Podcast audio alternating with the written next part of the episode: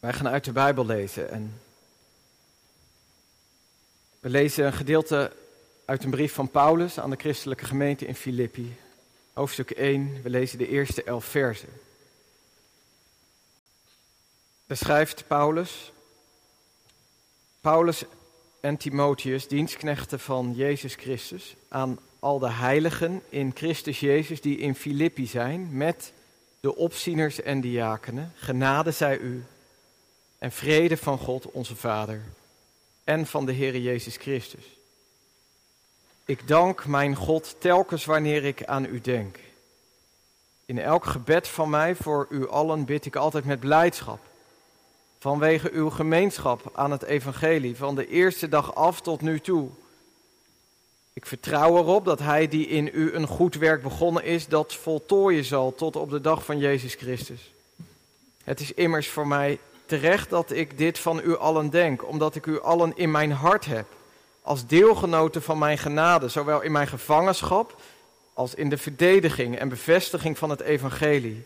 Want God is mijn getuige, hoe vurig ik naar u allen verlang, met de innige gevoelens van Jezus Christus.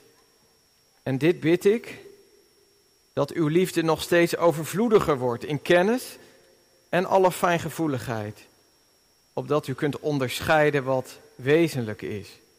Opdat u oprecht bent en zonder aanstoot te geven tot de dag van Christus vervuld met vruchten van gerechtigheid, die door Jezus Christus zijn tot heerlijkheid en lof van God. Tot zover de lezing uit Gods Woord. Als thema boven de preek heb ik gezet: danken voor de gemeente. Danken voor de gemeente.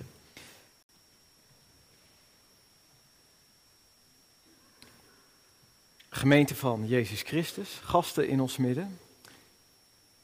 Ik dank mijn God telkens wanneer ik aan u denk.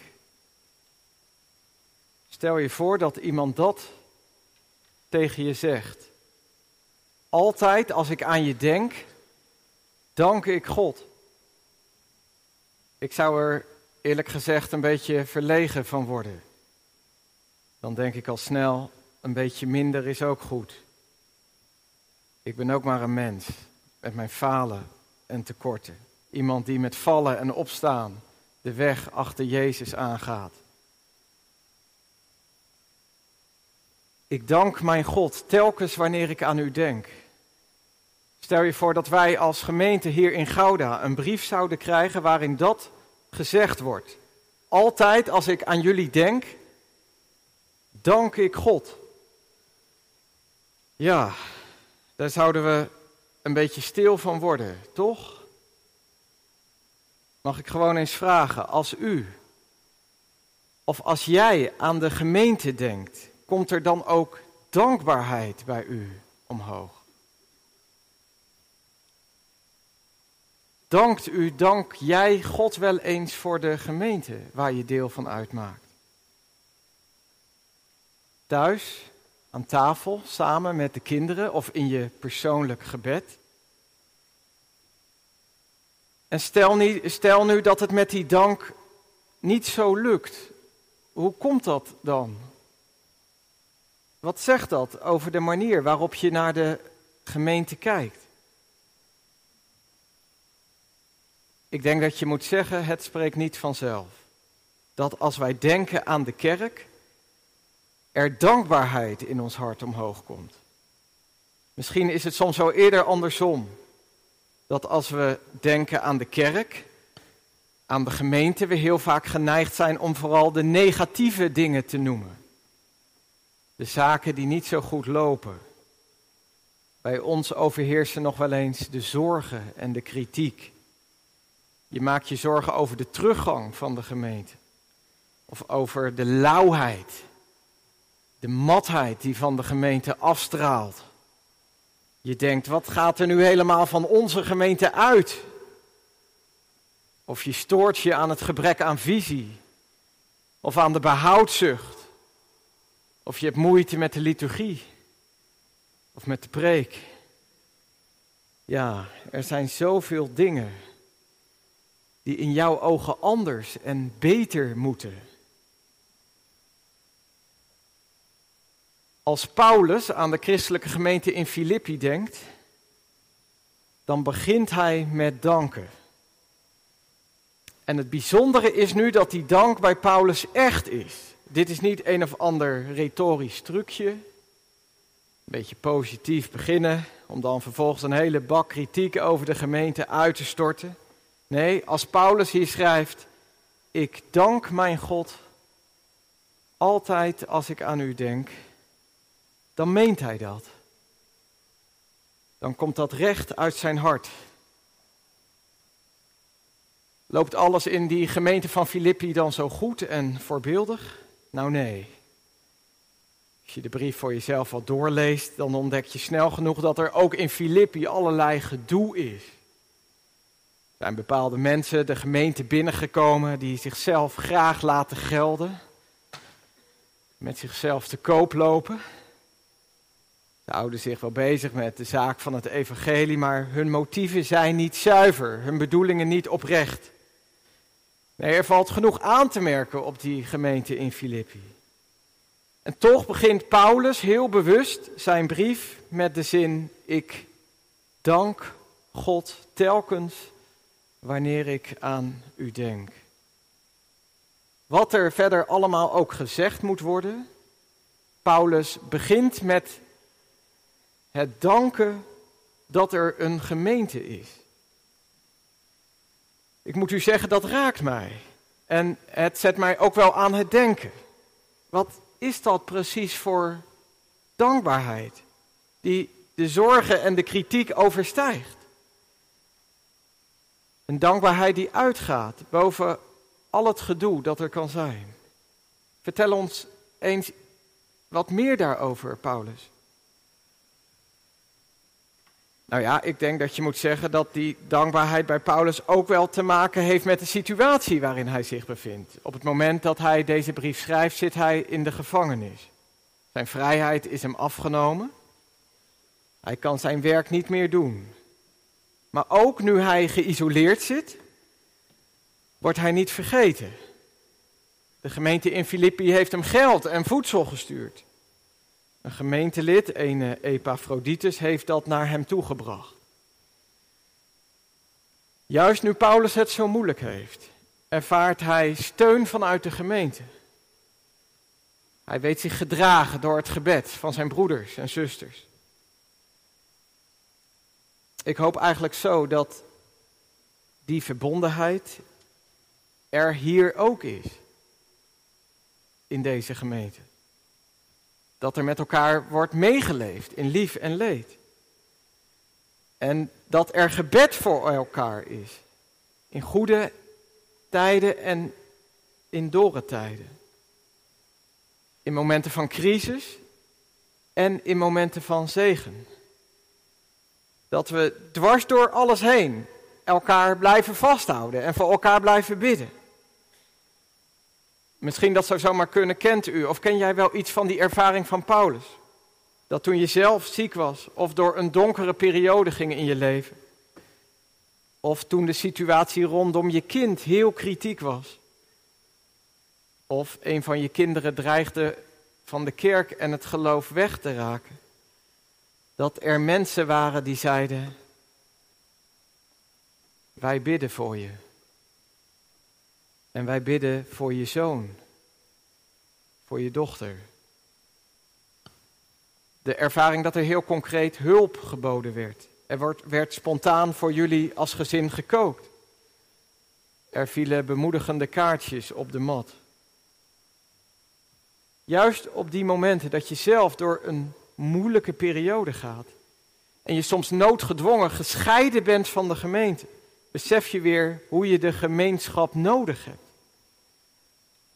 Die verbondenheid is ontzettend kostbaar. En toch, toch hebben we daarmee de kern van Paulus' dankbaarheid nog niet helemaal te pakken. Hij schrijft, ik dank mijn God telkens wanneer ik aan u denk, vanwege uw gemeenschap aan het evangelie. Daarmee bedoelt Paulus niet alleen dat de gemeente met haar gebed en concrete hulp heeft bijgedragen aan de voortgang van het evangelie. Dat ook wel. Maar Paulus bedoelt vooral ook de verbondenheid die er is door het geloof in Jezus Christus. Paulus is intens dankbaar voor het wonder dat er in een godsvergeten wereld een gemeente is. Van mensen die geraakt zijn door de liefde van God. Een gemeenschap van mensen die elkaar vinden in die ene naam. En waarin iedereen leeft van het goede nieuws dat God gekomen is om weggeraakte mensen te zoeken en thuis te brengen. Dat geeft een verbondenheid die alles overstijgt. Dat je samen iets kent van de verlorenheid van het leven zonder God. En dat je samen ook deelt in de verwondering en de dankbaarheid en de blijdschap dat er een herder is die jou gevonden heeft. Dat er één is die je kent in je blijdschap en in je verdriet. In je slagen en in je falen, in je successen en je mislukkingen.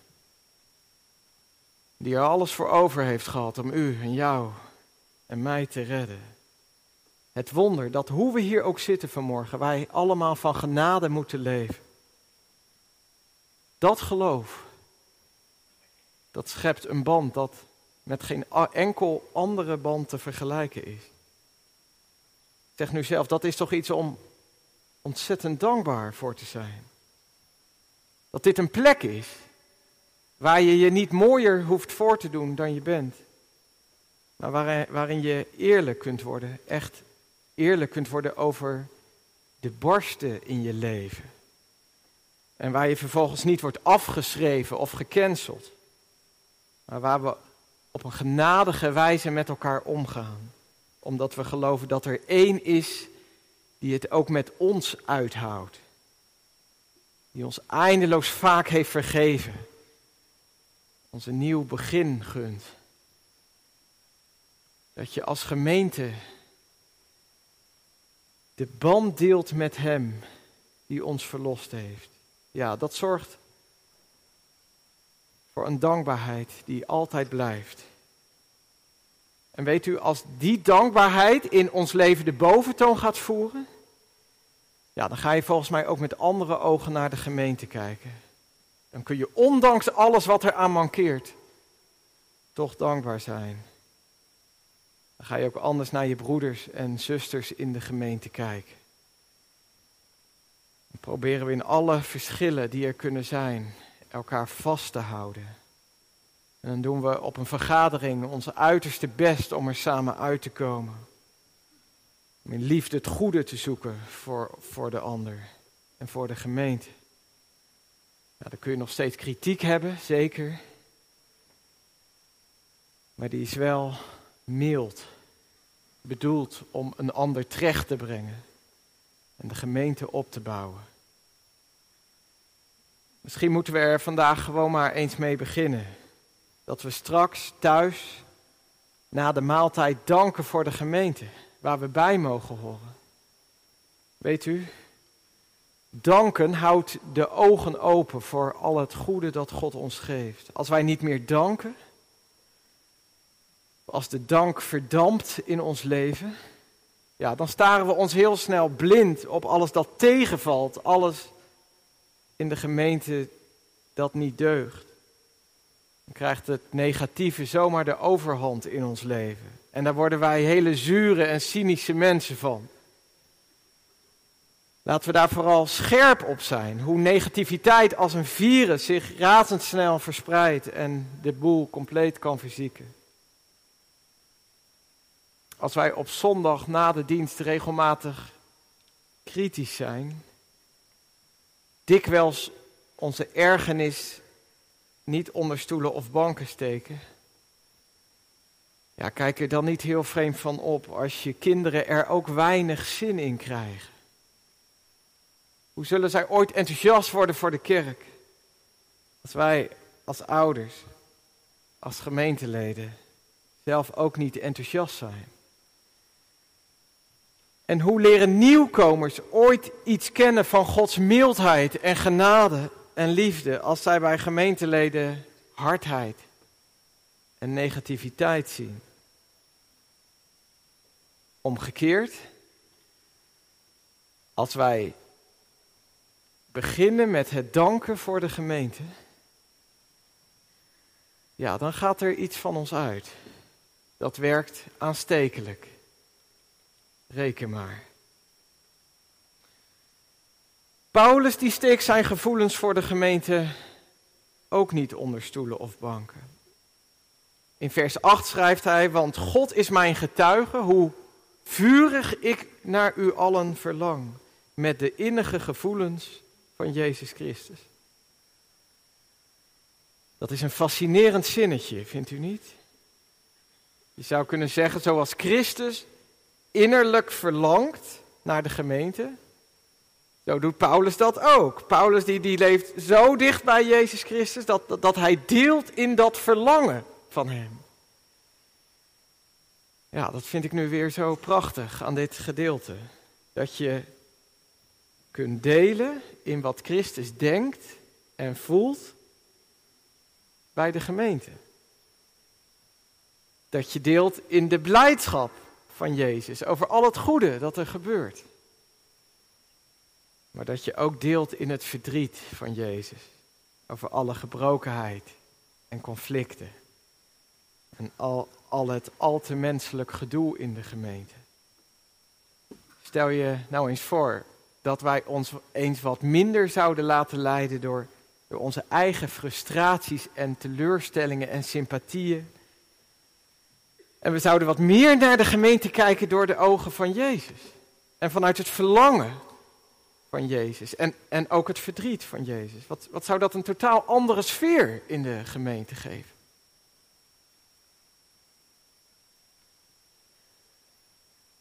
Nu zou je misschien de indruk kunnen krijgen dat Paulus na dit begin van de brief weinig meer te bidden heeft voor de gemeente. Nou, het tegendeel is waar. Luister maar. Ik bid dat uw liefde blijft groeien door kennis en fijngevoeligheid, zodat u meer en meer gaat zien wat wezenlijk is en waar het op aankomt. Ik vind dat een prachtig gebed. En het is ook heel erg nodig, denk ik. Hoe vaak bidden wij nu voor de gemeente dat ze zal groeien in liefde? En dan niet de op onszelf gerichte liefde waar de wereld vol van is. Nee, Paulus die denkt aan de liefde waarmee Christus ons heeft liefgehad. De liefde die zichzelf opoffert, die door het vuur gaat voor een ander. Liefde niet als emotie, dat je warme gevoelens voor een ander koestert. Maar liefde als levenshouding, als, als keus. Dat je er bewust voor kiest om er voor die ander te zijn. In alle omstandigheden het goede voor de ander zoekt. Ik bid voor jullie dat jullie in die liefde mogen groeien. Ja, en Paulus bidt dan ook dat die liefde zich zal uiten in kennis en fijngevoeligheid. Je zou kunnen zeggen, hoe meer wij ons openstellen voor de liefde van God, hoe meer wij ons ook gaan openstellen voor de ander. Zodat we elkaar ook steeds beter leren verstaan. Gaan zien wat die ander ten diepste drijft. Gaan aanvoelen wat die ander beweegt. En fijngevoeligheid, ja, dat is het vermogen om met elkaar rekening te houden. Een soort van grondhouding waarin je die ander niet wilt kwetsen. Maar samen zoekt naar Gods bedoelingen met, met de gemeente. Met ons leven. Door zo met elkaar om te gaan, zegt Paulus, ontdekken we waar het op aankomt. Dan kunt u onderscheiden wat wezenlijk is, schrijft Paulus. Mooi is dat, vindt u niet? In de ontmoeting met God en met elkaar krijgen we steeds meer oog voor de essentie. En ja, als we steeds meer gaan zien wat wezenlijk is, ja, dan, dan zien we ook beter wat niet wezenlijk is. Dan verliezen we ons niet langer in allerlei discussies over bijzaken. Zaken waar we soms ook niet uitkomen met elkaar. Dan ontstaat er denk ik ook vanzelf ruimte om, om daarover van mening met elkaar te verschillen. Dat kun je soms verlangen hè, naar wat Paulus hier schrijft. In de weerwar van het leven. In alles dat op ons afkomt. In de waan van de dag. Te midden van de veelheid aan stemmen en botsende belangen. Nee. Of het nu gaat om de, ontwikkeling, om, om de ontwikkelingen in de wereld, in de politiek, in de kerk of in je eigen kleine leven. Steeds weer komt het aan op dit gebed. Dit bid ik dat uw liefde blijft groeien door kennis en fijngevoeligheid, zodat u gaat zien waar het op aankomt. Wat zou er gebeuren, gemeente, als we dit gebed dagelijks gaan bidden?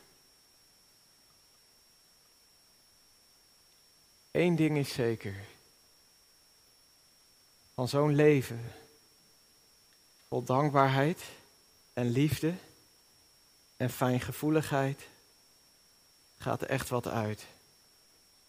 Of het nu gaat om je klasgenoten bij jou op school, je kameraden op de sportvereniging, je collega's op het werk, de mensen in de buurt. Ze zien het. Ze zien dwars door alles heen in jou iets oplichten van Jezus. Het is om jaloers op te worden. Amen.